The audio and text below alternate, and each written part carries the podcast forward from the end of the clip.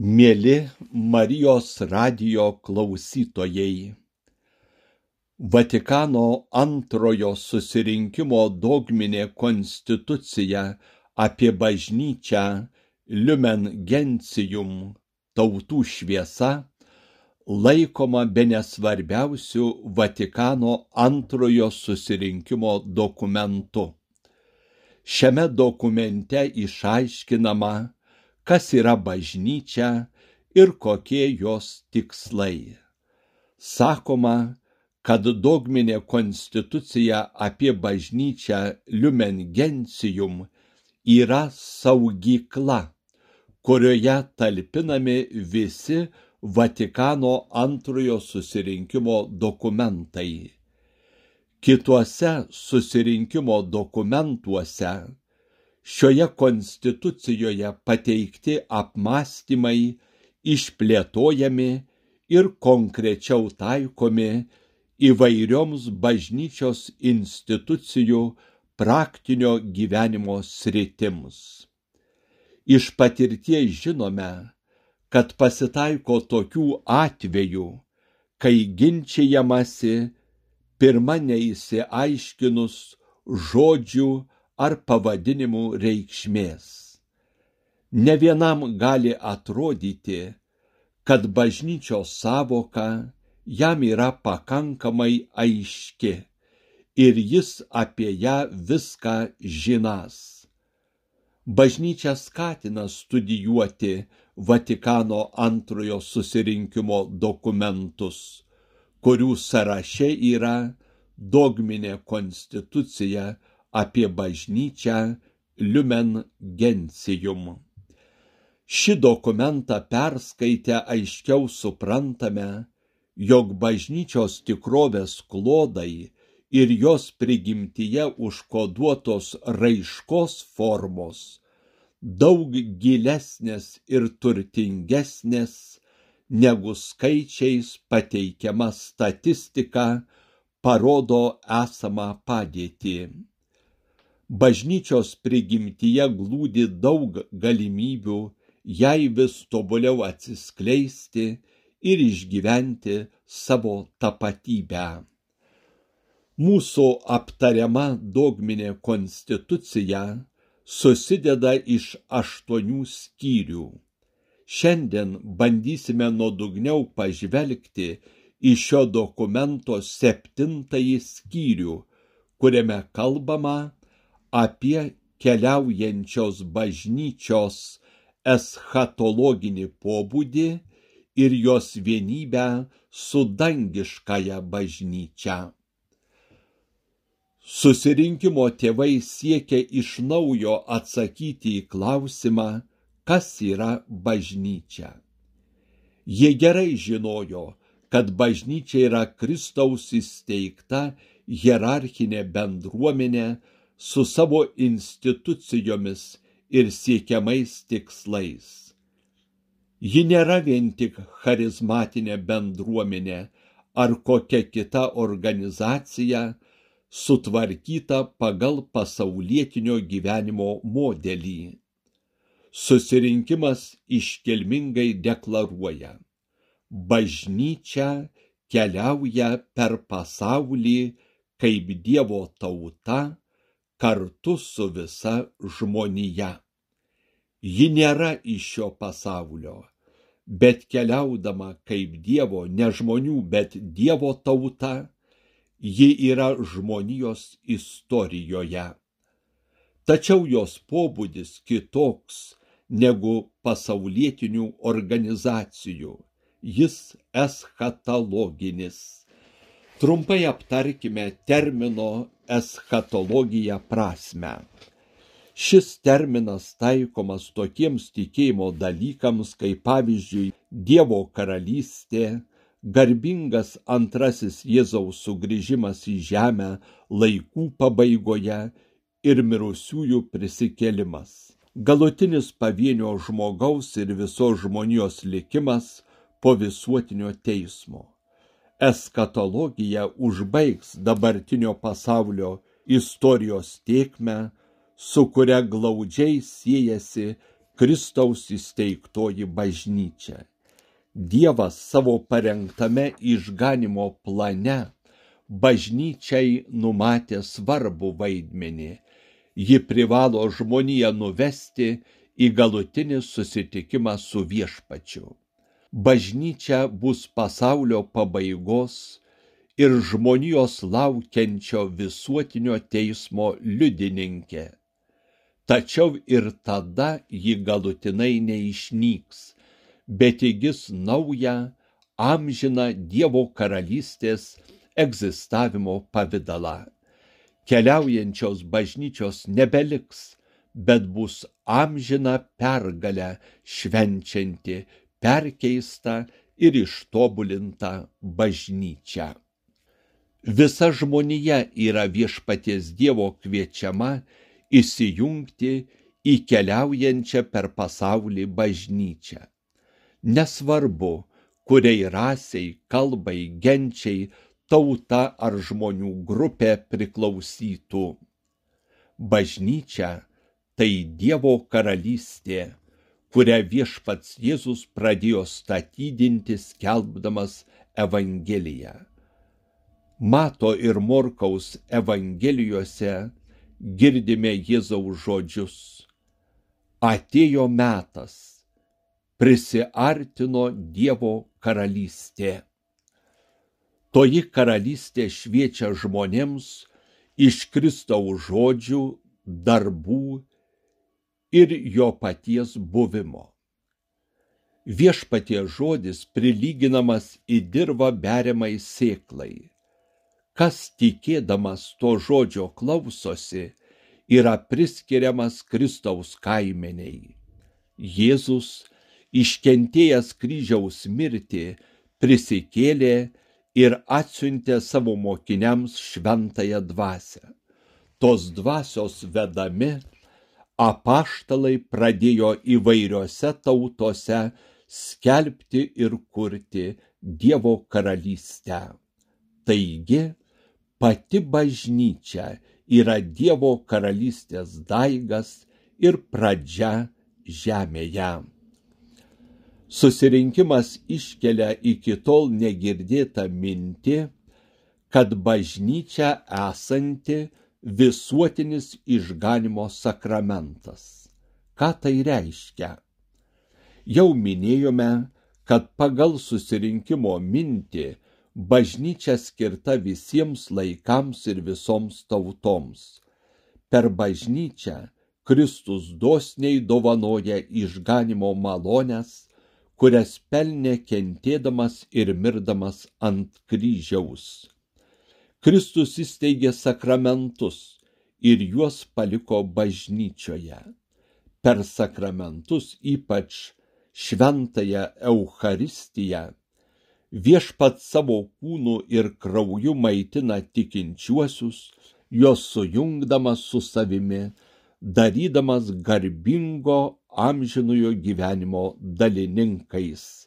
Visa tai vyksta ne kur kitur, bet bažnyčioje. Bažnyčia yra glaudžios jungties su Dievu ir visa žmonija įrankis ji yra žmonijos vienybės sakramentas, nes įvairių genčių, tautų ir kalbų žmonės būrė į vieną Dievo vaikų šeimą. Kristaus rankose bažnyčia yra visų žmonių atpirkimo įrankis, juo pasinaudodamas viešpat žmonijai apreiškia Dievo meilės slėpinį kuriame glūdi mūsų išganimas.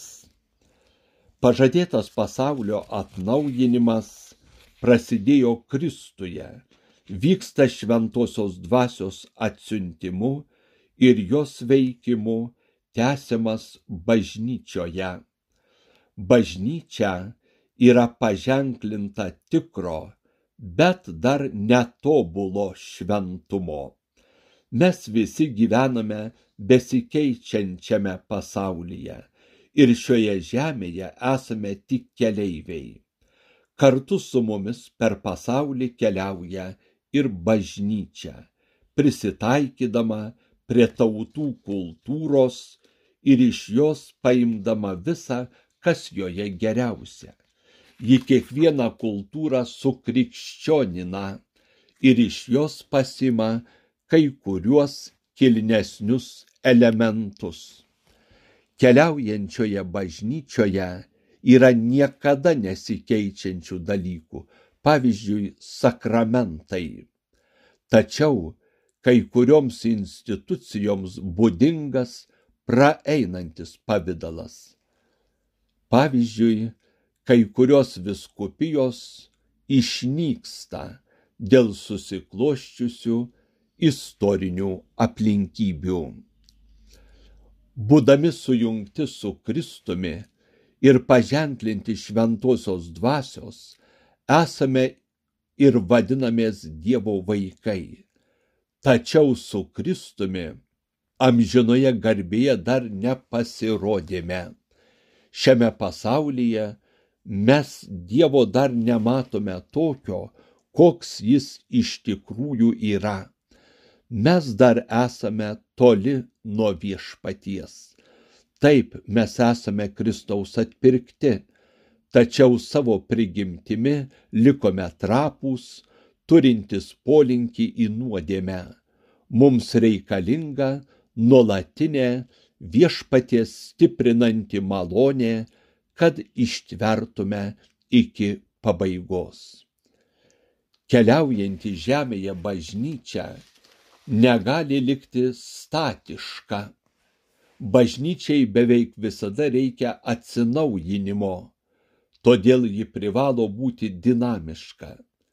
Bažnyčios dinamiškumas reiškėsi jos narių tobulėjimu, bendruomenės prisitaikymu prie kintančių gyvenimo sąlygų, pastangomis atsinaujinti siekiant galutinio tikslo.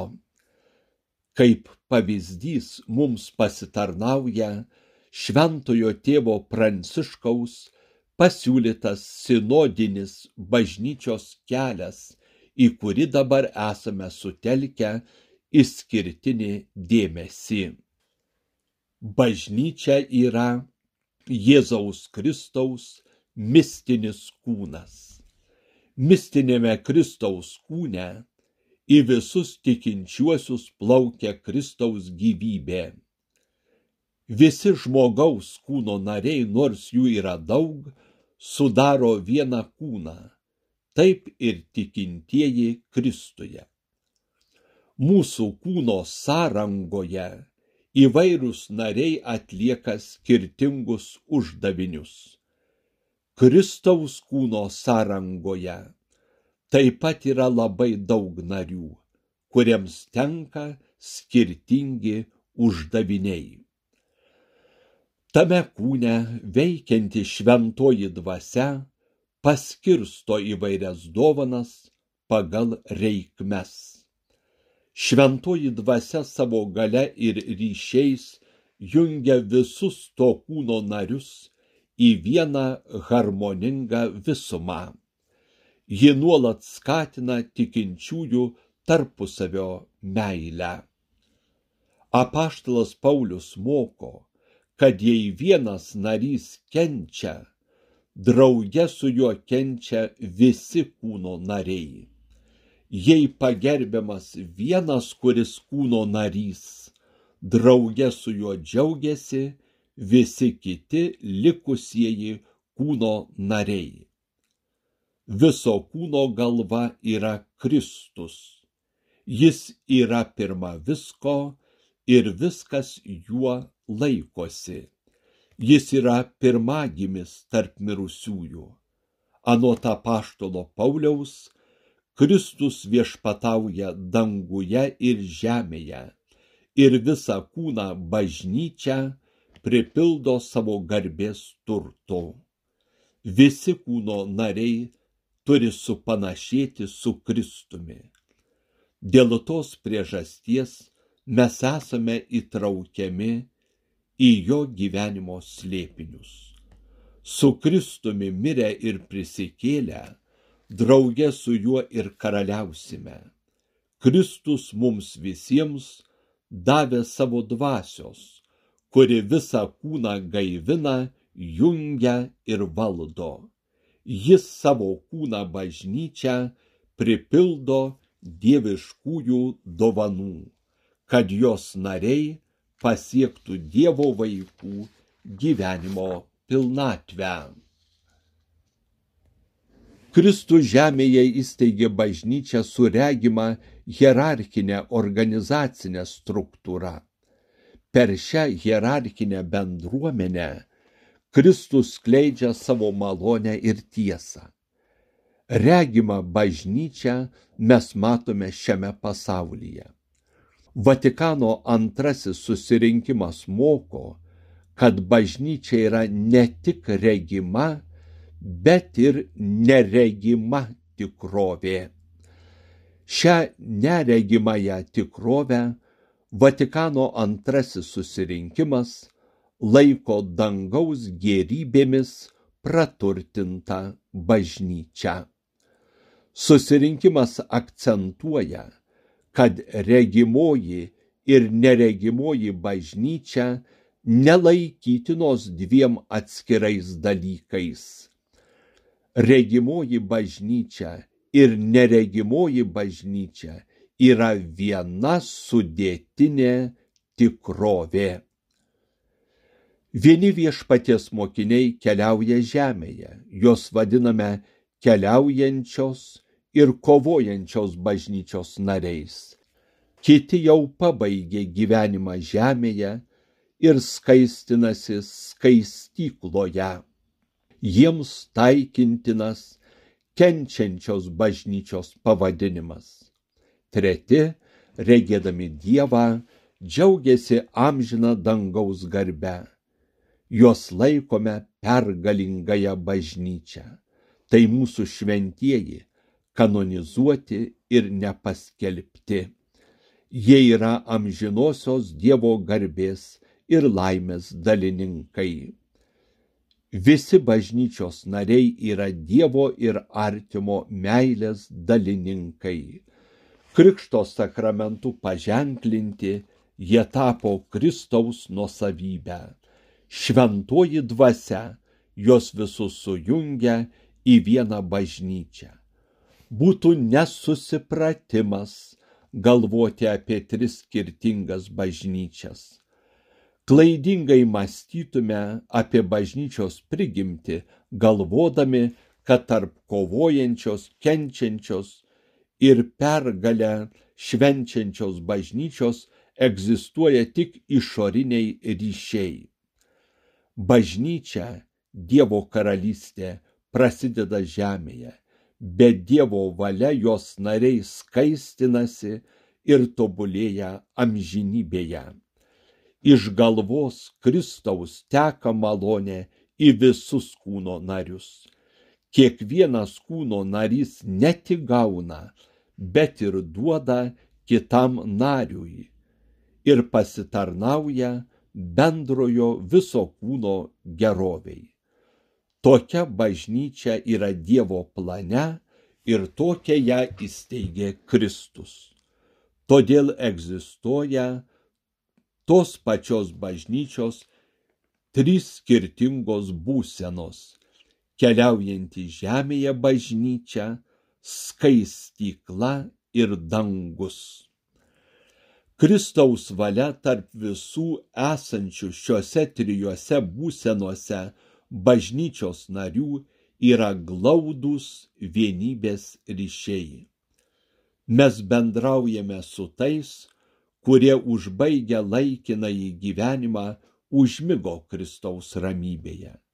Su jais dalyjamės dvasinėmis gerybėmis, pavyzdžiui, melzdamiesi už mirusiuosius, anapus iškeliavusiems artimiesiems, šventosiomis mišiomis ir kitais kilniais artimo meilės darbais pasiunčiame gerumo ir dėkingumo dovaną. Taip mūsų meilė nusidriekia anapus šio materialaus pasaulio ir pasiekia skaistykloje esančius mirusiuosius. Bažnyčia laikosi nuomonės, kad niekas negyvena vienas, niekas nenusideda vienas, niekas neišgelbėjamas vienas. Į mano gyvenimą įsiterpia kiti, o aš įvairiais būdais darau įtaką kitiems, prisiliečiu prie kitų egzistencijos. Visi dangaus gyventojai, būdami glaudžiai susivienyje su Kristumi, ugdo ir stiprina keliaujančios bažnyčios šventumą. Štai kodėl bažnyčia švenčia šventųjų šventes, stato jų garbiai bažnyčios, į konsekruojamus altorius įdeda šventųjų relikvijas. Visa tai liudyja apie tamprius saitus, jungiančius regimąją ir neregimąją bažnyčią. Kristaus įsteigtoji bažnyčia nesiriboja vien tik geografinę teritoriją. Ji peržengia laiko ir erdvės ribas. Mūsų tikėjimo broliai ir seseris, perėję mirties slengsti, užbaigia laikiną į gyvenimą. Ar jie dar lieka bažnyčios nariais? Ar tie, kurie džiaugiasi amžina garbe regėdami Dievą švenčiausioje trejybėje, nieko bendro neturi su mumis, keliaujančiais link amžinosios tėvynės. Jei bažnyčia yra eschatologinė tikrovė, peržengianti laiko ir erdvės ribas, tai turi būti tvirta jungtis, siejanti mus su tais, kurie anksčiau už mus peržengė laikinumo ribas. Visi keliaujančios bažnyčios nariai arba užmygę Kristaus ramybėje, o taip pat esantys amžinoje dangaus laimėje, yra tos pačios bažnyčios kūno nariai, glaudžiai sujungti tarpusavyje meilės ryšiais jų tarpusavio vienybė jokių būdų nenutrūksta ir tada, kai mūsų broliai ir seseris iškeliauja iš šio gyvenimo į amžinybę. Šie ryšiai išlieka, netgi gali sustiprėti, dalyjantis dvasinėmis gerybėmis. Esame keliaujanti bažnyčia, užtariama triumfuojančios bažnyčios ir užtarianti skaistėjančią bažnyčią. Dogminės konstitucijos apie bažnyčią septintame skyriuje aiškiai dėstoma, kad visi, nors ir skirtingų laipsnių ir būdų, esame tos pačios Dievo bei artimo meilės dalininkai ir gėdame tą pačią garbės giesmę savo Dievui. Vienybė su dangaus bažnyčia ypač akivaizdi tampa šventosiuose mišiuose, kurios yra svarbiausias liturgijos veiksmas. Mes esame šventosios dvasios suburti į bažnyčią, kuri švenčia Eucharistiją. Šis šventas ir kilnus veiksmas yra bažnyčios liturginio gyvenimo viršūnė ir versmė, iš kurio plaukia visa jos stiprybė. Aukodami Eucharistinę auką labai glaudžiai įsijungiame į dangaus bažnyčios kultą, pagarbiai minėdami švenčiausiąją mergelę Mariją, šventąjį Juozapą, apaštalus, kankinius ir šventuosius. Mūsų aptariamos konstitucijos septintame skyriuje teigiama, kad ištikimai sekusiųjų Kristumi gyvenimas mums yra paskatinimas ištvermingai siekti amžinosios laimės. Jų paliktas gyvenimo pavyzdys - tai saugiausias kelias, kurio eidami galime pasiekti tobulą vienybę su Kristumi. Per šventuosius mums kalba Dievas. šventųjų gyvenimas buvo perkeistas pagal Kristaus atvaizdą. Juose atsiskleidžia Dievo karalystės ženklai. Tokių liudytojų supami mes drąsiau galime žengti per gyvenimą tikėjimo, vilties ir meilės keliu. Amžių tiekmėje bažnyčiai teko patirti sunkumų dėl šventųjų garbinimo. Tokia padėtis susiklostė aštuntame amžiuje, kai anometinėje Bizantijos imperijoje atsirado taip vadinama ikonoklastų erezija. Šios erezijos šalininkai teigė, kad negalima garbinti šventųjų paveikslų, nes tai esanti stabmeldystė. Šventųjų paveikslus pradėta naikinti, o jų garbintojus persekioti.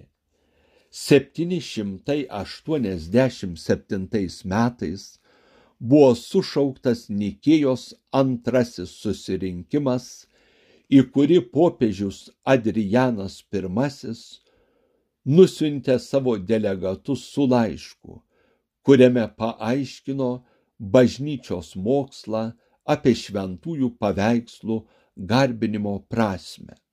Jame teigiama, kad paveikslams teikiama pagarba esanti skirtinga nuo garbinimo, kuris vienam dievui te priklauso. Susirinkime šventųjų paveikslų naikintojai buvo pasmerkti, o į bažnyčias įsakyta sugražinti šventųjų paveikslus garbinimui.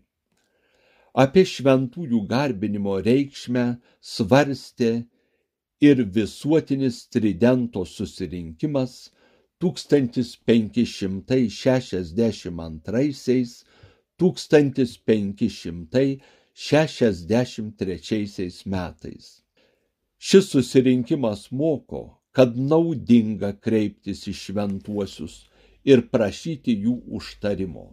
Su šventųjų paveikslais reikia elgtis pagarbiai, nes juose pavaizduoti viešpatės sekėjai ir mokiniai. Paveiksluose teikiama šventiesiems garbė yra dalinė. Ji negali prilygti tai garbei, kuri teikiama vienam dievui šventųjų paveikslai ir relikvijos gerbiami dėl jų šventumo, kuri paveikslas vaizduoja, o ne medžiaga, iš kurios jie padaryti. Krikščioniškas tarpusavio bendravimas mus suartina su Kristumi ir vienus su kitais. Prašydami šventųjų užtarimo įvairiuose gyvenimo reikaluose, mes nuo Kristaus nesitoliname ir jo nepamirštame. Tai tiesa, kad mes suartėjame su šventaisiais, juos pagerbdami, bet tuo pačiu suartėjame ir su Kristumi, iš kurio, kaip iš neįsenkančios versmės, trykšta malonė ir Dievo tautos gyvybė. Kristus visada lieka pagrindinis malonės šaltinis. Mūsų laikais, kaip ir praeitie, tenka išgirsti priekaištų, kad mūsų prašymai į šventuosius tarsi sumenkina pasitikėjimą viešpačiu Jėzumi Kristumi, kuris yra pirmasis ir pagrindinis tarpininkas tarp Dievo ir žmonių. Mūsų aptariamoje konstitucijoje tolimesniuose skyriuose susirinkimo tėvai šventųjų tarpininkavimą pailustruoja gretindami tarnaujamąją ir bendrąją kunigystę. Kristaus kunigystėje įvairiais būdais dalyvauja ne vien pašventintieji patarnautojai, viskupai, kunigai, diakonai, bet ir kiti Dievo tautos nariai, pasauliečiai. Jie per krikštą šventosios dvasios patepimu pašvenčiami bendrajai Dievo tautos kunigystei, kad krikščionio žmogaus darbais atnašautų dvasinės aukas ir skelbtų Dievo šlovę. Nereikia pamiršti, kad Dievo gerumas įvairiais būdais nuolat skleidžiasi kūriniuose. Vienatinis atpirkėjo tarpininkavimas neįskiria, bet skatina kūrinių bendradarbiavimą, kylanti iš vieno šaltinio, būtent Dievo Sūnaus viešpaties Jėzaus Kristaus, kuris yra tikrasis visų mūsų atpirkėjas. Šią doktriną teigia susirinkimas, bažnyčia nedvėjodama pripažįsta ir dėgia įtikinčiųjų širdis. Taigi bendravimas su šventaisiais mus nenutolina nuo Kristaus, bet dar glaudžiau su juo sujungia. Štai kodėl šios dogminės konstitucijos septintame skyriuje įsakmei pabrėžiama, kad mums dera mylėti šventuosius kaip Jėzaus Kristaus draugus ir paveldėjimo dalininkus. Už juos mes privalome Dievui dėkoti ir šauktis jų pagalbos, kai norime išprašyti Dievo malonių, o tai visada daroma per Jėzų Kristų, mūsų viešpati, vienatinį atpirkėją ir išganytoją. Kiekvienas mūsų meilės dangaus gyventojams liudijimas pačia savo prigimtimi yra nukreiptas ir kyla į Kristų, o per jį į Dievą nuostabų ir garbingą šventuosiuose. Šventasis Jeronimas pastebi, pagerbėme Dievo tarnus, kad jiems mūsų teikiama garbe būtų pagarbintas Dievas šventieji mūsų užtaria ne vietoj Kristaus, bet tik Kristuje ir per Kristų. Kristus yra vienintelis tarpininkas, o visi kiti tik antraeiliai tarpininkai Kristuje. Todėl visas maldas, kuriomis pagerbiamas šventųjų autoritetas, bažnyčia kreipia į Dievą tėvą ir užbaigia per mūsų viešpatį Jėzų Kristų. Pabaigoje padarykime keletą apibendrinimų. Vatikano antrasis susirinkimas apie bažnyčią svarstė ne tik žvelgdamas į jos institucinės struktūras ar taikydamas jai praeityje suformuluotos kovojančios bažnyčios įvaizdį. Susirinkimo tėvai, norėdami geriau išreikšti bažnyčios pašaukimą dieviškojų dvasinių ir žmogiškojų institucinių matmenių, pasirinko sakramentinę koncepciją. Bažnyčia yra Dievo duotas žmonijai išganimo sakramentas. Dievas veda bažnyčią žmonijos istorijos keliais į jos pašaukimo pilnutinį įgyvendinimą. Kūno visuma funkcionuoja tik dėka daugybės skirtingų dalių, kurios atlieka savitas funkcijas. Tai tinka ir mistiniam Kristaus kūnui bažnyčiai. Visi jos nariai turi rūpintis vieni kitais.